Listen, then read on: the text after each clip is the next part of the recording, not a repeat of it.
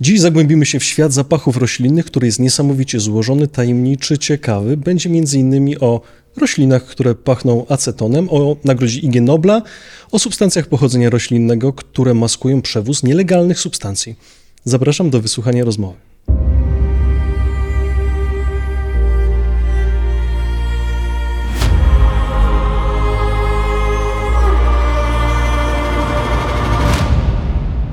Naszym dzisiejszym gościem jest dr Paweł Jedyna, którego e, przedstawiać nie muszę, bo Paweł siedział po tej stronie już e, kilka razy. Możesz powiedzieć tak. Tak. Potwierdzam. okay. Zdarzyło mi się, ale bardzo dziękuję za zaproszenia, to jest bardzo miłe. Sama przyjemność po naszej stronie. Słuchaj, ja bardzo lubię zadawać proste pytania, bo zazwyczaj jak jest proste pytanie, to musi być taka, wiesz, skomplikowana e, odpowiedź. Już się boję. Czym jest zapach? O mój Boże. No i tu mnie zaszczyliłeś. Tak naprawdę, bo e, wiesz, e, będziemy rozmawiać o zapachach, ale w kontekście roślinnym, czyli rośliny, które produkują coś, co nam pachnie. I e, no właśnie, to jest interakcja pomiędzy nami, pomiędzy roślinami. Czy roślinie zależy koniecznie, żeby pachniała? Niekoniecznie. Bardzo wiele tych pachnących związków wcale nie jest produkowana jako coś pachnącego, tylko nadawałaby się do naszego wcześniejszego podcastu, tego o truciznach. Mhm. To mają być jakieś substancje, które zabijają, które mają niszczyć, które mają bronić rośliny, a to, że przy okazji jeszcze pachną, to, to, to tak przy okazji, bo no ale po właśnie, prostu to są, substancje. lotne. To są substancje, lotne. No, no. Okay. A jest jakaś taka szczególna grupa związków, która pachnie? E, i, I tak i nie. E, jak sobie... Nie, nie, generalnie nie. E, dlaczego? E, jak sobie sięgniemy pamięcią do szkoły, to bardzo często na chemii mówi się o estry. To są te pachnące, takie cudowne związki. Octan butylu na przykład, och, zapach bananów. Można w internecie bardzo łatwo znaleźć takie tabele, gdzie masz masę tych różnych estrów i ten, te mają zapach jabłka, te mają zapach banana, te mają zapach róży. Tyle, że wśród pachnących różnych substancji masz pachnące alkohole, masz geraniol, ol, już się kojarzy, że to będzie coś z alkoholem, ta końcówka miała, masz pachnący alkohol, tak. E, możesz mieć, możesz go utleniać, tak, znowu odwołujemy się do wiedzy z e, chemii, możesz mieć ketony, keton malinowy. Maliny pachną ketonem malinowym, jednym z naj, no, jednym z bardziej drogich w każdym razie związków w pozyskaniu ze surowca naturalnego. Powiedzmy, że kilogram to ocenia się, nie wiem jak teraz, ale gdzieś dotarłem do takich informacji, że 80 tysięcy złotych by kosztował kilogram takiego naturalnego ketonu, dlatego się go syntetyzuje. Jest produktem syntezy chemicznej, dlatego jest tańszy i można go więcej dodać do różnych produktów. Na pachnie i smakuje tak samo. Ale masz też oprócz ketonów aldehydy i tu masz aldehyd cynamonowy, ale co ciekawe, jak kroisz ogórka, masz aldehyd ogórkowy. Tak? No to nie domyśliłbym się. No, aldehyd ogórkowy, e, no właśnie dlatego, że jakbyś zobaczył wzór, no to mógłbyś powiedzieć, o Boże, z niczym mi się nie kojarzy, aldehyd ogórkowy, no to już wszystko wiadomo. No dokładnie. Ale jeżeli utleniamy aldehydę, to mamy ten aldehyd cynamonowy, możemy go przeprowadzić w kwas cynamonowy, pach i pachnie nam kwas cynamonowy. Mamy kwas abietynowy, no mamy kwas abietynowy, w żywicach też pachnie. To są bardzo często związki, które są związkami bakteriobójczymi. My się zachwycamy tym, że one są bakteriobójcze, a tymczasem one e, e, jakby to jest dla nas takie dziwne, że coś, co pachnie, jest bakteriobójcze, a dla rośliny to jest coś e, bakteriobójczego, co przy okazji pachnie. Tak, dobra, ale o funkcjach a... to wiesz co, pogadamy sobie za chwilę. Mm -hmm. Ale e, jeszcze ci dopowiem dobra. jedną rzecz. A jak tankujesz na stacji benzynowej, to pachnie ta benzyna? No pachnie to będzie. No a wiesz, że na przykład roś, wiele roślin produkuje e, tak, że e, po prostu węglowodory, czyli, czyli masz węgiel, wodór i tam połączone w różne jakieś oktadekany, e, e, tego typu związki w magdolniach znajdziesz, w wiciokrzewie, e, w storczykach, e, gdzie to są węglowodory, i one pachną, i one nadają temu jakąś charakterystyczną nutę. Więc masz masę różnych związków, które mhm. mają jakieś ciekawe zapachy, które można poklasyfikować do różnych grup e, pod względem budowy chemicznej. Jasne, dobra. Czyli mamy różne związki, głównie organiczne, ale też nieorganiczne pachną. Między innymi ten um, związek, po który można się przewrócić, jak jesteś w laboratorium. Niekoniecznie jest w roślinach, mówię tutaj o amoniaku. Ale żeby tak A. zaznaczyć, że tylko, że mamy też pachnące związki nieorganiczne, zazwyczaj mi się kojarzy z takim nieprzyjemnym zapachem i mamy organiczne, które między innymi są produkowane przez rośliny. I kolejne pytanie. Mm, co u roślin pachnie? co u roślin pachnie, Tak, a jest na pachnie... takim wyższym poziomie. Mm, właśnie, powinienem być tu przy, przy, przynieść liści trochę, Mhm. bo pachną oczywiście płatki kwiatów, tak, oczywiście to nam się kojarzy, jeżeli myślimy o róży, to róża pachnie, płat, płatki róży rozsypane gdzieś na pościeli, och, jak romantycznie, jak pachnie ładnie wszystko, ale żeby było śmiesznie, w kwiatach pachną również te zielone części, ale to nie koniec na tym, jak sobie pomyślisz o ziołach w kuchni to tam nie masz kwiatów, tam masz liście, które pachną, które są aromatyczne. Bardzo wiele roślin jest pokryte, na przykład pelargonie są pokryte takim meszkiem i to te, w tym meszku to są te takie włoski gruczołowe, to właśnie one mm, produkują dużo i gromadzą różnych olejków eterycznych i pachnie w zasadzie cała roślina, pachną też łodygiem, więc masz liście, masz łodygi, E, masz e, związki zapachowe w skórce, na przykład w skórce cytryny. Jeżeli sobie popatrzysz na taką skórkę, tu mam skórkę, e, tu mam, tu mam cytrynę ze skórką i mam pomelo. Popatrz, zwłaszcza na pomelo to bardzo Mhm. ładnie widać. Jeżeli się przyjrzysz uważnie, to widać na nim takie oczka. To są takie przestwory w e, skórce, e, które są wypełnione właśnie oleistymi różnymi substancjami, które, znaczy oleistymi, takimi e, hy- hydrofobowymi, może tak najlepiej byłoby powiedzieć, które są właśnie związkami lotnymi. Jeżeli to sobie jakoś uszkodzimy, to ten owoc natychmiast nam zaczyna pięknie pachnieć i, i, i z tego mamy I z jakieś tego można aromaty. też aro, fajerwerki robić. Nie wiem, czy robiłeś kiedyś? Robiłem, to Robiłeś. znaczy to się tak naciska taką skórkę nad Tak. e, płomień, wprost w płomień świecy i wtedy strzela takimi iskrami. To bardzo ładnie wygląda, co pokazuje, że te związki e, są, to są związki organiczne, ale one e, mają właśnie taką budowę w zasadzie takich węglowodorów, gdzieś, gdzieś, gdzieś gdzie niegdzie jest właśnie przyczepiona jakaś grupa OH albo aldehydowa, Mhm. ale generalnie one są bardzo mocno takie podobne w budowie do węglowodorów, w związku z czym nie rozpuszczają się w wodzie, o czym też możesz się przekonać, bo jeżeli sobie weźmiemy e, na przykład e, i taką skórkę, o, z, z, zedrę teraz, Teraz kolega Paweł zdziera skórkę. tak, ze, zebrałem taką skórkę, tu mam z kolei nie, nieodłączny mój towarzysz, pojemnik na mocz, wypełniony tym razem wodą. I jeżeli sobie, tak jak mówisz, e, na, zro, spróbujemy to zrobić, ale nie wiem, czy mi to tak ładnie wyjdzie, bo to zależy, jak bardzo soczysta ta skórka jest. Jeżeli sobie tutaj nadrobimy troszeczkę tego. I to teraz, teraz się, te, te olejki do, te do, olejki tak? powinny pływać po powierzchni wody. Nie wiem, czy udało mi się je ładnie tutaj złapać. Może nie, może ze skórki cytrynowej wyjdzie ładniej. Wiesz, to jest biologia. Biologia No jest, e, rządzi się takimi prawami, że e, no, niby coś, to nie jest taka czysta chemia e, orga, nieorganiczna, prawda, że wymieszasz kwas z zasadą albo łatwo jest strącić coś. Nie, nie, to zależy od tego, czy jak długo ta sobie cytryna leżała na półce sklepowej, jak długo sobie leżała u mnie, ale powiedzmy z cytryny mi to nawet dość ładnie wyszło i jeżeli sobie tak popatrzysz pod światło, Pokaż. to widać takie pojedyncze kropelki czegoś. Jeszcze sobie możesz na własną rękę to spróbować zrobić, Okej, a faktycznie. Państwa zachęcam do tego, żeby takie właśnie e, o, to pięknie widać pod światło, jak ona mi Tak, tu i nawet, pryska. i nawet ładnie pachnie. Nawet Ładnie ślinotok się pachnie. pojawił. Mm. Szczerze. No, będziemy mieć pięknie pachnące studio. Ja spróbuję to jeszcze raz tutaj zrobić, ale jak widzisz, nie jest to takie łatwe. Mówisz Tak. o tym strzelaniu. Mhm. To też jest e, doświadczenie, które wbrew pozorom nie jest takie łatwe, bo musisz mieć faktycznie taką soczystą skórkę, świeżą w miarę. Ta, to nie może być owoc, który sobie leżał miesiąc i czekał, aż ktoś go łaskawie podniesie e, z półki i zapakuje do koszyka. No, Okej, tak. czyli tak, płatki roślin, liście, łodygi, skórka, ale też kora, na przykład u Kora, cynamonowca, nie? kura, ko, kora e, cynamonowca, Tak. owszem, to z niej się e, ekstrahuje przecież piękne, e, piękne zapachy, to korę dodajemy na przykład do mleka, chcąc wydobyć ten aromat. To owoce, także wanilia na Właśnie, przykład. ja się muszę tutaj, tutaj przyznać, bo ja się biologią interesuję od zawsze, ale kiedyś, jak byłem dzieckiem, mi się wydawało, że wanilia to nie jest owoc, ta laska wanilii, tylko to jest robione tak samo jak kora cynamonowca, bo to było też długie i takie pozwijane. Mhm. No, ale ostatnio też rozmawiałem z jednym znajomym i on chyba cały czas myśli właśnie, że, że, to, jest, że to jest jednak kora. Tak, ale to jest jeszcze jakoś odpowiednio przygotowywane. Nie wiem, czy nawet nie, na pewno suszone, ale też nie fermentowane, wiem, wiem, że kora jest fermentowane. fermentowana, tak? E, Laska wanilii nie I, jestem pewien. e, La, laska raczej nie, ale popatrz, tutaj masz też doskonały przykład. No po co pachnąca kora jakiegoś drzewa? To, to jak się nad tym zastanowić, no to ten zapach nie ma tu specjalnego znaczenia, ale ma znaczenie to, że te związki są w jakiś sposób e, obronne, tak? Że one Mhm. są grzybobójcze, że one są bakteriobójcze. Okej, ale zrobicie przejawia. tutaj pauzę, bo o tych funkcjach jeszcze dalej, bo ja Mhm. wiesz, muszę teraz dopytać, bo Mhm. na takim Okej. poziomie bardzo ogólnym że pachną liście, tam kora, skórka, ale wszystkie komórki budujące struktury, czy jakieś szczególne?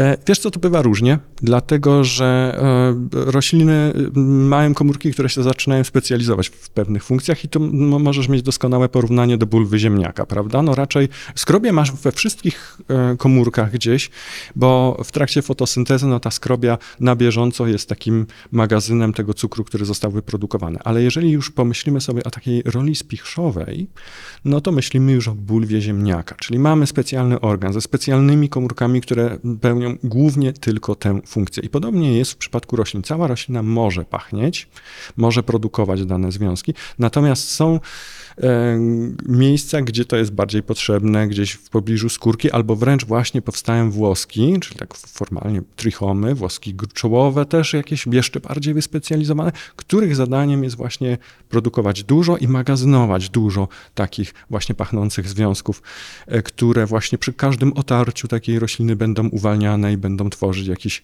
e, jakiś aromat, jakiś zapach. Okej, okay, czyli roślina ma jakieś specjalne e, struktury konkretne. Dobra, dwa razy ci przerywałem, jak chciałeś powiedzieć o funkcji to teraz jakie są funkcje tych zapachów? No bo to nie chodzi o to, żeby one po prostu ładnie sobie pachniały i robiły nam przyjemność. Mówiłeś już o funkcji bakteriobójczej tam, grzybobójczej zapewne też. Coś jeszcze? No ale pomyślmy o tym też od strony ewolucyjnej, mhm. co jest bardzo ważne i co ta, ta, ta teoria ewolucji, ewolucji nam tutaj ładnie spaja możliwości tego, co widzimy w biologii. Tak? E, czyli mamy możliwości, mamy związki, które pachną e, ktoś może je czuć.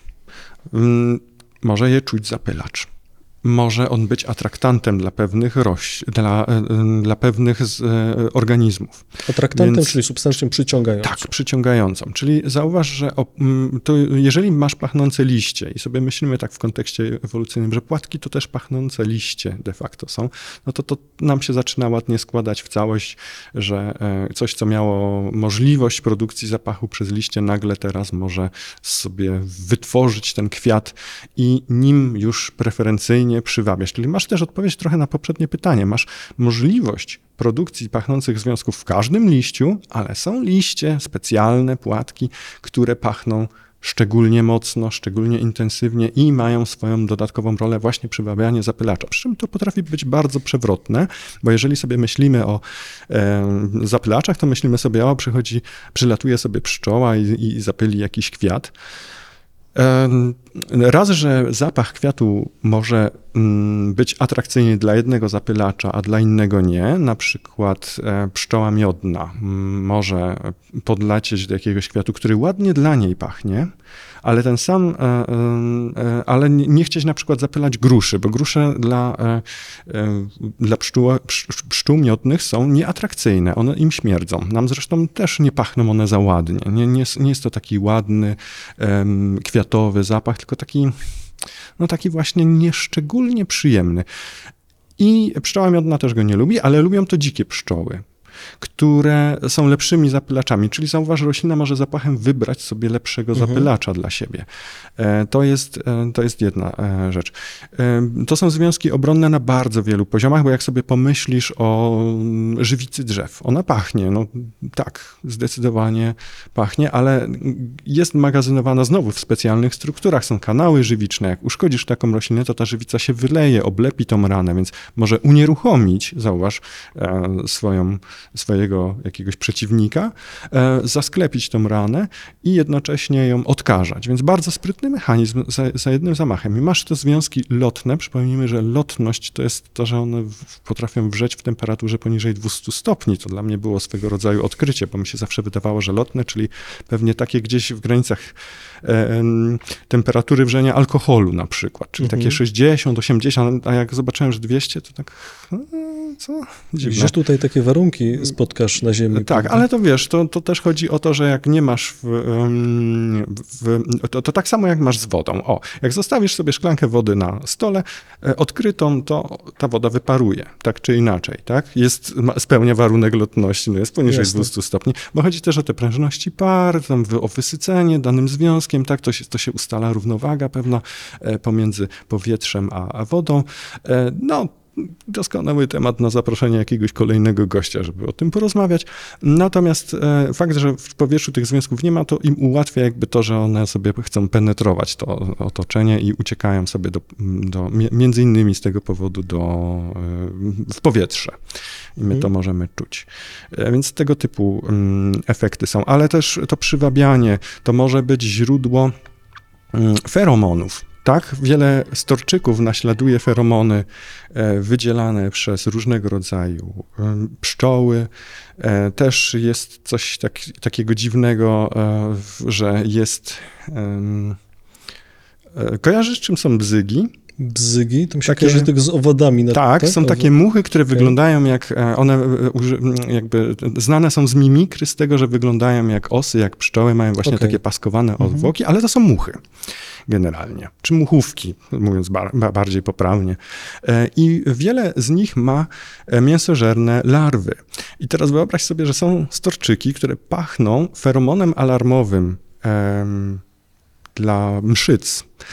I w związku z tym przywabiają takie e, muchówki i one łażą po kwiecie i szukają, gdzie tam są te mszyce, no i tym sposobem gdzieś tam się otrą o coś i za, zabiorą tą pyłkowinę. Więc jeszcze masz taki śmieszny mechanizm. Co ciekawe, tam właśnie bardzo często odgrywają albo węglowodory jakieś, czyli tak jak mówiłem o tej stacji benzynowej, to takie właśnie tego typu związki, albo mogą tam e, być e, też w przypadku niektórych takich feromonowych związków, gdzie dosłownie owad próbuje kopulować z takim kwiatem, to na przykład pyrazyny. E, Mhm. Pyrazyny to taka też dosyć duża grupa związków, ale na przykład pyrazyny bardzo dobrze powinieneś e, przynajmniej niektóre kojarzyć po zapachu, jeśli kiedykolwiek miałeś w ręce biedronkę, bo one pyrazyn używają także do obrony, właśnie dlatego, żeby cię pokryć czymś, co jest strasznie śmierdzące, no i właśnie ten zapach biedronkowy, taki charakterystyczny, to też są związki z grupy pyrazyn. Więc tego typu e, rzeczy. Więc tych funkcji em, y, zapachu może być wiele. A komunikacja między E, roślinami? Rzeczywiście się też zdarza. E, Do, do pewnego stopnia. Jest kilka substancji, które mm, rośliny wydzielają na zasadzie e, hormonów i mogą w ten sposób pobudzać jedna drugą. I jednym z nich jest etylen, który ma taki no, dosyć nikły, przynajmniej z naszego punktu widzenia, zapach. Mówi się, że ach, tam taki delikatny, słodkawy, ale taki, że prawie go nie czuć raczej w takich normalnych stężeniach. Natomiast inny związek, jasmonian metylu, czyli ester, już e, jest na przykład też e, czasami dodawany do olejków, e, mm, do perfum, do, do, do różnego takiego. On jest w mm, winter green oil, to się tak ładnie nazywa po, po w języku angielskim. No, tak wrzo, ro, rośliny spokrewnione z wrzosem takie coś produkują, więc z grubsza wrzos też tak mniej więcej pachnie, ten charakterystyczny taki zapach wrzosu, no to to nam może gdzieś tam dać jakąś wskazówkę. Ewentualnie możemy sobie zrobić coś takiego, że jeżeli sobie zakupimy w aptece e, spirytus salicylowy i go odparujemy, to możemy zobaczyć, czy nam pachnie, e, pach, pachną kryształki e, kwasu e, salicylowego w jakiś charakterystyczny sposób. I rzeczywiście ja tu ze sobą przyniosłem takie coś i jeśli sobie powąchamy, to Tak, teraz tutaj mamy takie naczynko. taką, takie naczynko, w którym odparowałem nam spirytus salicylowy prosto z apteki, tak, i, i Ciekawe. pachnie czymś, tak? Tak. I coś takiego. I podobnie pachnie ten, e, tu mamy spirytus e, salicylowy, e, ten... e, wie- Więc tego typu związki tak podobnie pachną. No ten jasmonian metylu e, tro, trochę inaczej też pachnie, ale, e, ale rzeczywiście druga roślina jest w stanie go chwycić i zostać zaalarmowana przez to. Tak? Czyli mamy ten motyw komunikacji między roślinami, że jedna roślina została zaatakowana, pobudza drugą roślinę, więc mamy substancję, która pachnie, która może przekazywać alarm. Okej, za chwilę zapytam cię, jak chwyta te substancje roślina od jakiejś Mhm. innej rośliny, ale jeszcze pytanie do tego etylenu. Kojarzysz eksperyment taki z etylenem, gdzie się wsadza chyba banany do worka z jakąś Mm, inną rośliną, no. która wydziela etylen i te banany szybciej dojrzewają? E, może tak być, jest bardzo, to wiesz, to, są, to jest taka grupa w ogóle, e, ale to jest zupełnie inne zagadnienie. Em, jest grupa owoców zwanych owocami klimakterycznymi e, i e, banany do nich należą e, bodajże awokado, e, pomidory, jabłka na pewno. E, na czym to polega? To polega na tym, że w trakcie dojrzewania one wydzielają ten etylen i im więcej jest etylenu gdzieś w pobliżu, albo im więcej one go produkują, tym one go tego zaczynają więcej produkować, a to z kolei pobudza je do dojrzewania. Więc faktycznie, jeżeli wsadzisz na przykład dojrzałe banany z niedojrzałymi pomidorami, to one będą pobudzać pomidory do dojrzewania. Jeżeli wsadzisz bardzo dojrzałe jabłka, e, czy bardzo dojrzałe pomidory do niedojrzałych bananów, to one też, e, te, te banany też bardzo szybko dojrzeją. Można próbować to użyć z awokado, ale tu jest większy problem, bo ono już tak też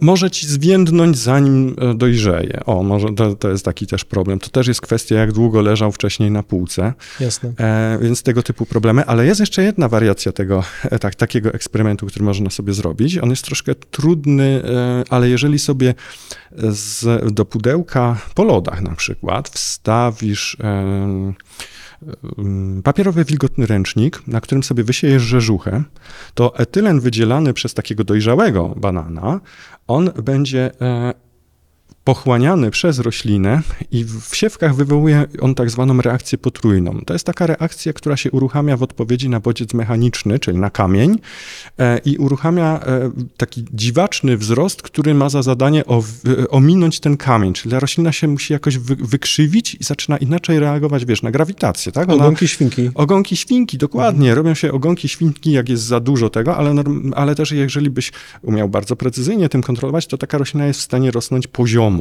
Nie, nie do góry, ona wie, gdzie jest góra, gdzie jest dół, ma e, receptory, e, które pozwalają jej wyczuwać e, grawitację de facto, ale mogą, etylen może zmodyfikować działanie tych receptorów, no może nie tych receptorów, ale odpowiedź na te receptory, że one rosną poziomo. Tak? I w ten sposób ominą ten kamień. Jak ten kamień znika, to przestaje się wydzielać w danym miejscu już etylen i już nie czuć tego dotyku, czyli zobacz, reagują na dotyk.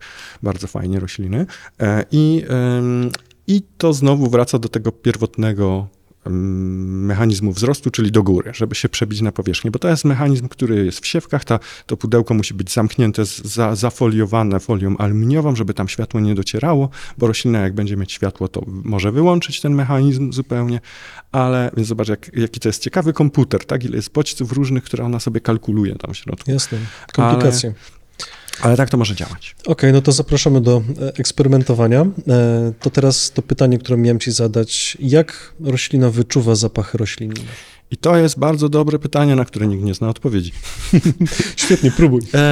Wiesz co, tak e, jak się tym tematem e, interesowałem trochę, to mm, bardzo często jest to mm, porównywane do tego, jak my jako ludzie czy jako zwierzęta czujemy zapachy. Ten mechanizm jest dość podobny, e, ponieważ istnieją komórki, które mogą, które mają na powierzchni jakiś receptor, który łączy się z daną substancją, daną molekułą, która nam pachnie, która jest lotna.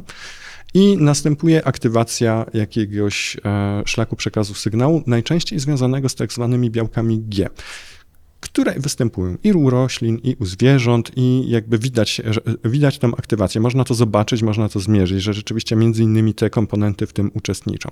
Więc tak to może działać. Część związków może wręcz wniknąć do komórki, gdzieś tam się wiąże, też połączyć to trochę tak jak z naszymi hormonami steroidowymi na przykład też.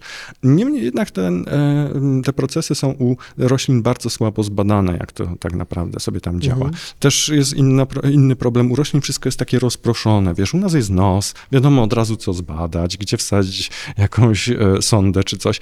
A u rośliny to jest tak, że cały liść jest pokryty od spodu tymi aparatami szparkowymi, więc ona tak jak każdy liść jest takim nosem trochę, a trochę nie, a trochę się zajmuje e, czymś innym, e, więc to wszystko się nakłada na siebie. Nie ma takiej, wiesz, specjalizacji, że jeden organ, jedna funkcja z grubsza, tylko wszystko wszystkim się zajmuje, bo tam jeszcze fotosynteza przecież w tym liściu musi iść. I, i to, to, to rodzi duże trudności e, z tą Okej, percepcją. ważne, że się roślinom udaje w Ale- jakiś sposób. No, udaje mi się, jakoś, jakoś, Jakoś- jakoś, czują, tak. tak? Ale można to sobie tak wyobrazić, że e, liść też jest nosem rośliny. Okej, to teraz y, przejdziemy do naszego nosa.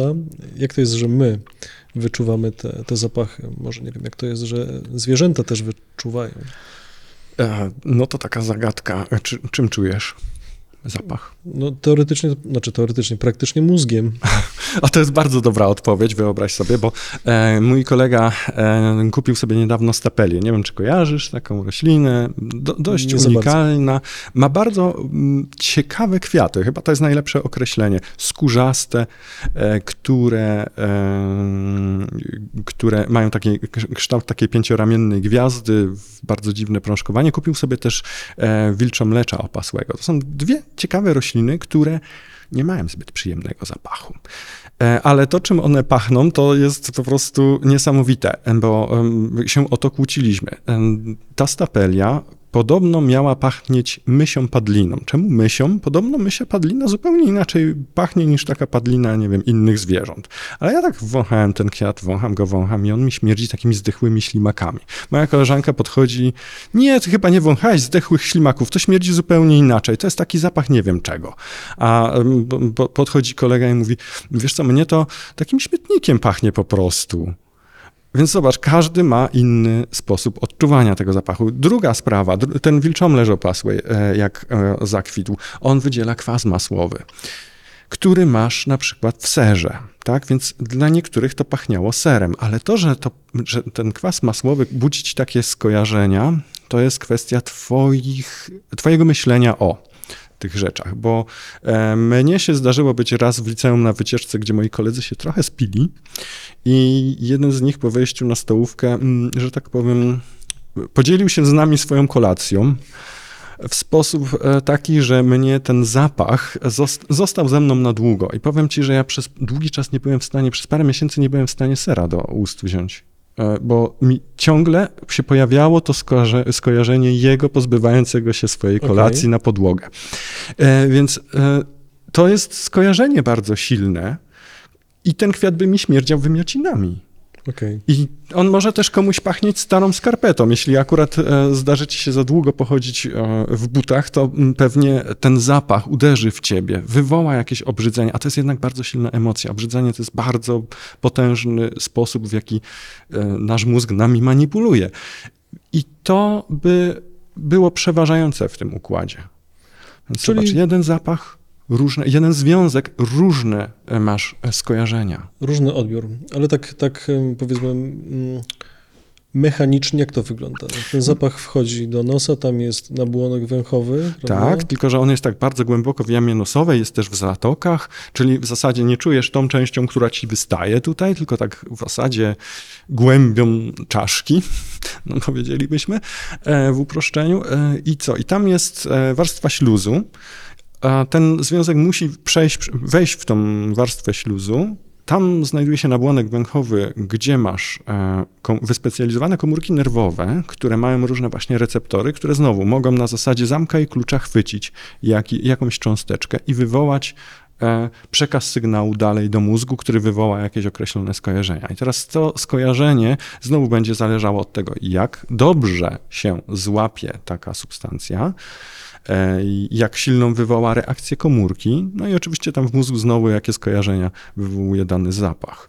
Więc to jest Okej. całkiem sporo różnych tutaj rzeczy po drodze. To jeszcze bardziej potrafi być skomplikowane, jeśli zobaczyłbyś publikacje dotyczące jak, czym pachnie wino. Aha, to też jest bardzo ważna rzecz, bo zmysł powonienia jest bardzo mocno, e, wbrew pozorom, powiązany z naszym odczuwaniem smaku, z czego większość z nas tak na bieżąco pewnie sobie nie zdaje sprawy i nie wykorzystujemy tego, że możemy smakować potrawy bardziej, jeśli właśnie będziemy się bawić tak, jak to robią e, koneserzy wina, ale i herbaty, ale i kawy, którzy nie dość, że siorbią i robią takie żeby tam gdzieś głęboko, ale możemy to na własną rękę ten, ten zapach doprowadzić gdzieś właśnie na, nad podniebienie do tych komór tam. Jeśli tak właśnie spróbujesz sobie nabrać powietrza i wtłoczyć je, tak spróbować je przepchnąć jakoś, to nie jest nie do opisania, nie? To trzeba Mhm. sobie po, poćwiczyć. Czy jesteś w stanie poczuć to ciepło, które ci tam wchodzi do góry, tego ogrzanego powietrza z ust? Jeżeli uda ci się coś takiego zrobić, to nagle możesz, używając to podczas jedzenia takiej techniki, zupełnie wydobyć inne rzeczy smakowe. Natomiast jeszcze e, na, na, na, e, właśnie powiązane z zapachem, z aromatem. I na to się nakłada jeszcze masa innych rzeczy, bo na przykład twoja flora bakteryjna bierze w tym udział. I też są takie badania, badania, które pokazują, że mniej więcej 30 sekund po tym, jak weźmiesz jakiś kęs i go sobie przememłasz tam, to w ustach, to te bakterie potrafią mm, swoimi enzymami zrobić różne cia, ciachanie różnych tych związków chemicznych, także nagle pojawiają się nowe, których wcześniej nie było. I te związki zmieniają ci zupełnie odbiór tego, co ma właśnie ogromne znaczenie w przypadku wina. Czyli każdy może czuć inaczej ze względu na różną e, florę bakteryjną, każdy może czuć inaczej ze względu na własną wrażliwość. Niektórzy mogą mieć wyższą lub niższą wrażliwość na określone związki chemiczne. Nie jest powiedziane, że wszyscy czujemy tak samo na równi, wprost przeciwnie. Więc zobacz, tu, jeśli chodzi o zapachy, to jest masa różnych czynników, bardzo indywidualnych. Bardzo złożona sprawa. Mhm. Było trochę o tych dziwnych e, zapachach kwiatków. E, jeszcze znasz jakieś inne przykłady? Tak, trochę znam. E, przede wszystkim, jeśli chodzi o liście różne, to mm, Państwo też znakomicie kojarzycie, jeśli sobie tak pomyślimy o tym, bo jest taka popularna roślina na balkony, komarzyca, która też pachnie takim moczem. Nie? Które, cesarska korona, też popularna roślina w ogrodach, jeżeli byście się mm, próbowali zbliżyć do niej i obwąchać ją, to jej zapach też jest uważany za nieprzyjemny i kojarzący się z piżmem. Więc mamy rośliny o zapachu piżma. Ale e, są takie rośliny z e, rodzaju senna, które pachną popcornem, których kwiaty pachną popcornem. To jest bardzo takie niesamowite. Jest nawet takie coś, takie drzewo, które e, pachnie e, masłem orzechowym. To jest w ogóle też niesamowite. Są rośliny, które pachną czekoladą, e, ale też wiele pachnie właśnie bardzo nieprzyjemnie padliną i tam są związki organiczne, to co powiedzieć na początku, ale połączenia na przykład z azotem sprawiają, że to są dokładnie te same związki, które pojawiają się na, na rozkładającej się padlinie, tak? I one mają mają za zadanie bardzo konkretne, mają przywabiać muchy. I tu się pojawiają przedstawiciele także roślin o największych kwiatach. Także ten słynny Amorphophallus, dźwidło olbrzymie o 3-metrowej długości, nawet 3-metrowej długości kolby, ono pachnie właśnie padliną, właśnie takimi związkami e, zawierającymi azot. E, także raflezja olbrzymia. I siarkę chyba. Tak? E, on chyba nie wiem, czy siarkę. Siarka się bardziej, wiesz, kojarzy z, z, z kapustą, a, ale to tak siarkowodór. Okay. A, um, a jeśli chodzi o związki siarki, no to weź sobie pokrój czosnek. No tak. Czy dostrzegasz w tym siarkę? Czy czujesz tam siarkę, czy albo siarkowodór, czy zgniłe jaja? No nie, nie ale bardzo. mam przykład takiego związku, mm, który, znaczy związku, przepraszam, rośliny, owocu dokładnie, który pachnie e, zgnilizną, takim zgniłym mięsem, pachnie smażoną cebulką, miodem i toaletą jednocześnie. I tam wśród 41 związków ponoć są dwa związki, gdzie jeden to jest jakiś tiol, hmm. czyli siarkę właśnie ma. Na pewno go kojarzysz, e, ma kolce. Czyżby to był król owoców? No znaczy, jeżeli myślimy podobnie, e, to chyba tak. Durian się Durian, nazywa. tak, tak, czyli e, owoc, którego nie wolno, nie, nie wolno wnieść na pokład samolotu. Tak, nawet do hoteli. Względu, tak, tak, wiele hoteli też go zakazuje. Właśnie dlatego, że raz, że śmierdzi, to jest, i podobno fantastycznie smakuje, ale ja miałem okazję jeść suszonego duriana, e, ten, zapach, ten smak też jakoś tak nie powala. Nie powala. E, natomiast no, jest ko kojarzony właśnie z jakimś takim śmietankowym, maślanym, tylko że dosłownie no, mm, trzeba jakoś przemóc się przez ten zapach podobno okay. jest. Może masz po prostu dziwną florę bakteryjną. Może. Dlatego, dlatego czujesz inaczej. Dobra. Ale pomyśl, jak, jakie to by było ciekawe, taki przeszczep flory bakteryjnej, żeby czuć coś lepiej. Ale, ro, znaczy dobra, przeszczep flory bakteryjnej jest, tylko zupełnie Z, z drugą stroną. Tak, drugą stroną, dokładnie. Z drugiej strony. Z drugiej strony, no dokładnie tak, dokładnie tak. Dobra, jakieś dziwne zastosowania? No bo wiadomo, przyprawy, no to rzecz normalna. Mm, tak, e, i to też coś, co wszyscy dobrze powinniśmy kojarzyć, bo um, kojarzysz terpentynę? Mhm. No malarstwo i tak dalej. Mm -hmm, A to jest właśnie destylowana taka żywica e, z drzew iglastych. E, co się wsadza do trybularza? Do trybularza kadzidło. No właśnie, czyli masz takie zastosowania też religijne, nazwijmy to, tak? I to nie, nie tylko, um, nie tylko jakby w naszej religii, także w, w szeregu, znaczy w naszej, w religii katolickiej powiedzmy najpowszechniej występującej w Ale Polsce. Ale jak ładnie powiedziałeś, trybularz w ogóle. Tak. Myślałem, że... że, że nie będę wiedział, no dobrze. wiedział. okej. Ale to też była dla mnie swego czasu e, niespodzianka, bo faktycznie ty, to, czym się macha, to trybularz, a to, co się wsadza do środka, to taka dzidło. Tak. Ale taka, ale ciekawa jest, ciekawe są te węgielki w ogóle, bo one są też do kupienia w sklepach e, takich, e, no, no właśnie, albo z akcesoriami ezoterycznymi, żeby było śmiesznie, albo właśnie z takimi religijnymi. I to jest de facto kostka prochu która po podpaleniu bardzo szybko właśnie dzięki e, obecności saletry e, rozpala się momentalnie. To bardzo ładnie zresztą wygląda. No i później właśnie możesz nasadzić na to takie kawałki mm, kadzidła i rozchodzi się piękny zapach, który e, ma właśnie takie znaczenie troszkę mistyczne, ale to też ayurveda na przykład, tak? I jakieś le leczenie zapachami, bawienie się w, w, w, w, mm, w masaże, ale to też, znaczy bawienie się, to kurczę, źle, źle- to powiedziałem. Jeszcze raz, cięcie jeszcze E, raz. Nie, no, to jest e, ty- typowe w rozmowach na żywo. Mm, No, że używasz tych różnych olejków do tego, żeby sprawiać sobie przyjemność. O, Tak. może tak to jest, lepiej oddaje to, co chciałem powiedzieć. No więc na takiej zasadzie mm, na takiej zasadzie mm, to, to, to funkcjonuje jest bardzo przyjemne, prawda? E, To kompozycje zapachowe, to, to, to perfumy różnego rodzaju, które są stosowane już od starożytności. A co z tymi substancjami, które maskują e, substancje e, nielegalne? Wiesz co, tu jest sprawa dość skomplikowana, jak się wejdzie w, w szczegóły, bo to jest też kwestia e, mm, tego, że psy nie lubią zapachu kawy. Więc to jest jeden, jedna część problemu. Natomiast to, że go nie lubią, e, wcale im nie przeszkadzałoby, żeby wyczuć zapach narkotyków. Więc w przypadku niektórych psów to może działać, w przypadku innych psów lepiej wypre, wy, wytrenowanych na przykład, e, no to, to może już nie działać. Więc taka sztuczka jest taka, no twoja Okej. babka wróżyła, ale niemniej jednak tak stosowano. E, Natomiast to jest coś takiego, jakbym ja tobie położył e, róże, a naokoło powiedzmy coś, co bardzo brzydko pachnie. Już sobie wybierz sam może, co by to miało być, bo nie, nie, będziemy tu może rzucać takimi rzeczami.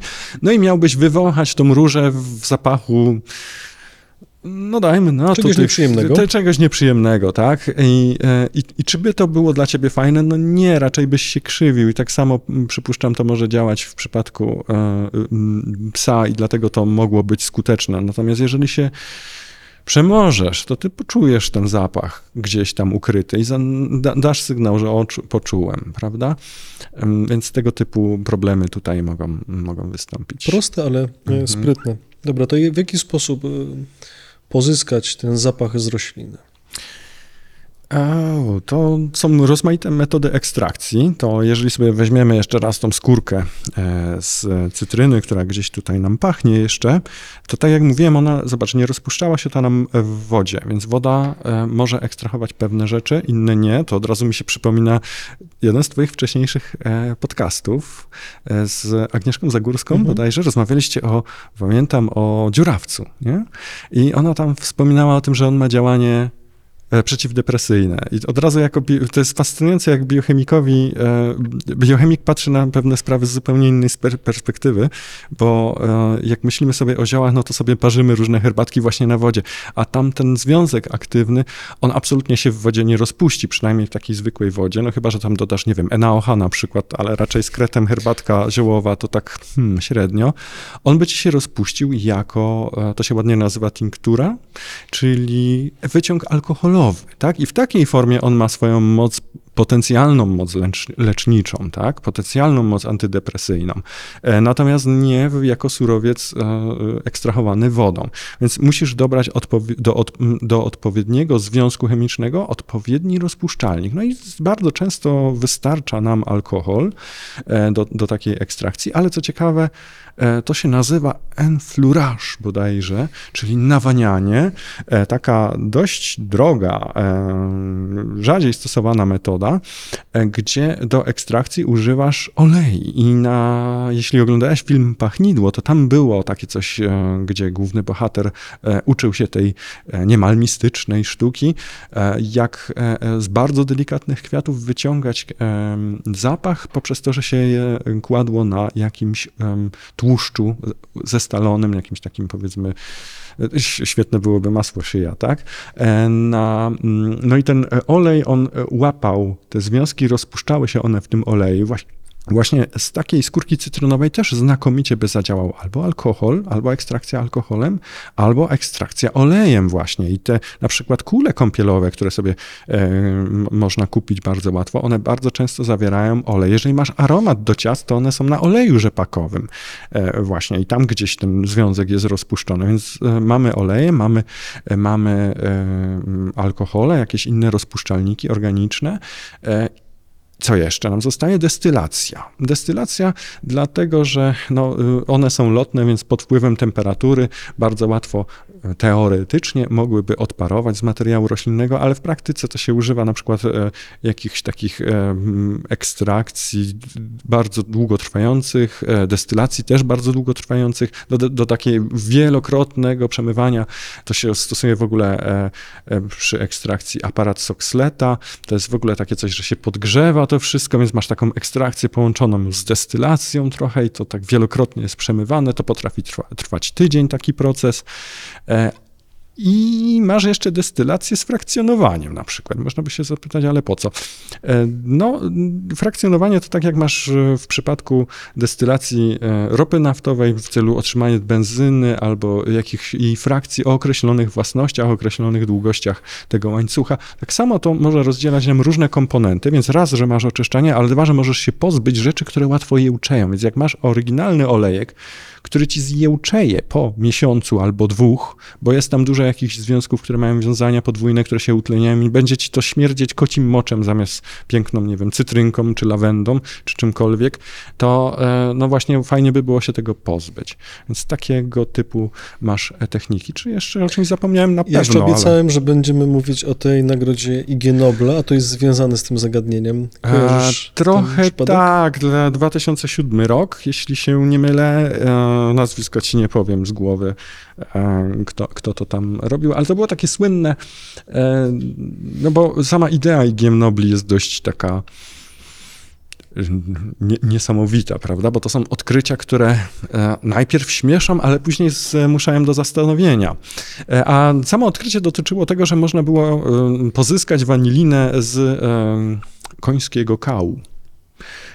Wanilina jest jednym chyba z najczęściej używanych dodatków smakowych do, mm, zresztą nie tylko smakowych, e, także właśnie zapachowych. Mamy lody waniliowe, mamy cukier wanilinowy, więc Właśnie, ciast. to jest ciekawe, bo zazwyczaj ludzie myślą, że to jest cukier waniliowy. Tak, ja też byłem tak, kiedyś tak. dawno temu zaskoczony, że to jest wanilinowy. I to pisze, tylko trzeba tak, tak, jakby poskładać sobie literka po literce, że to pisze cukier wanilinowy. Tak. I, I łatwo to przeskoczyć. Polecamy bardzo. zobaczyć. No tak, także e, po, po wysłaniu podcastu idziecie do sklepu i oglądacie półki sklepowe, i, i, czy rzeczywiście to jest cukier wanilinowy, ale to właśnie wanilina, która jest też w wanilii, tylko wanilię e, jako, jako storczyka, bo to też nie wszyscy wiedzą, że, że wanilia to jest z owoców storczyków. E, to jest E, no, jednak drogie, dro, droga e, w pozyskaniu substancja w miarę, mm, uprawiana wyłącznie w ciepłym klimacie. Może nie jest to ekstremalnie trudna w hodowli roślina, ale no jednak wymaga to mm, długiego przygotowania. Natomiast wanilina, jako sama wanilina, jest niesłychanie dość mm, łatwa do syntetyzowania, do przekształcenia. Czyli możemy mieć jej odpowiednik, jej, właściwie tą samą substancję dużo, dużo taniej. Ale odzyskiwanie z, ekstr- z, ekskrementów jednak to nie jest dobry pomysł, skoro łatwo można e, syntezować. No nie? nie, ale to jakby pokazuje nam e, to, jak działa nauka. Nauka otwiera nam drzwi, otwiera nam drzwi możliwości, pokazuje, że pewne rzeczy można zrobić, że albo że one tam są. Natomiast to, czy my chcemy podążać drogo, drogą, którą te drzwi otwierają, to jest zupełnie inna sprawa. Może się okazać, że pewnego pięknego dnia takie otwarte drzwi będą dla nas jedyną drogą wyjścia, bo coś niezwykłego, dziwnego, strasznego się stanie, ale e, taka jest właśnie chyba rola nauki. I dlatego to, to zmusza do zastanowienia, że nawet tam takie związki są. To też jest, jest, możesz nad tym pomyśleć, że coś, co absolutnie śmierdzi, znowu masz ten, e, e, to samo co przy tej kawie, masz pięknie pachnącą rzecz zamaskowaną przez masę innych śmierdzących rzeczy, e, w, w, więc tego nie czuć. Natomiast, że ten związek się tam pojawia na przykład, to jest dość ciekawa e, sprawa, tak żeby się nad tym zastanowić po prostu, Jasne. że tak jest. Dobrze. Aha, jeszcze właśnie, Mhm. tak macam tą skórkę i ciągle mi jest tak wilgotno. Tym, od, od tego olejku tutaj. E, Przecież on jest znakomitym rozpuszczalnikiem.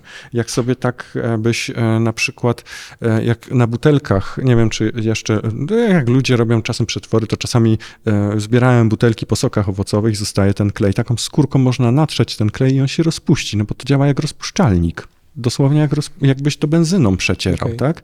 E, tak samo można z tego, jak mam tu pod ręką jakiś taki balonik, może mi się uda go zetrzeć e, tą skórką barwnik z niego, bo barwniki się rozpuszczają, ale też widziałem kiedyś dawno temu takie fajne doświadczenie, gdzie właśnie taką soczystą skórką ten balon em, po, po pryśnięciu takim sokiem strzelał, bo się rozpuszczała guma. Więc popatrzcie, jakie, jakie, jaka Kolejny- chemia. Tak, kolejne dziwne zastosowania. Ostatnie pytanie. Mm, Twój ulubiony zapach? Ojej. Jeden. Dobra, cynamonowy. Cynamonowy. Lubię zapach cynamonu, chociaż za samym cynamonem nie przypadam jako e, czymś do jedzenia, bo jednak ten zapach jest taki, znaczy ten smak jest taki mocno intensywny i dość szczególny, ale zapach bardzo lubię. Lubię zapach cynamonu. To tutaj postawimy kropkę. Bardzo dziękuję Ci za rozmowę. I ja również dziękuję bardzo za zaproszenie, było mi bardzo miło. Jak zawsze zresztą.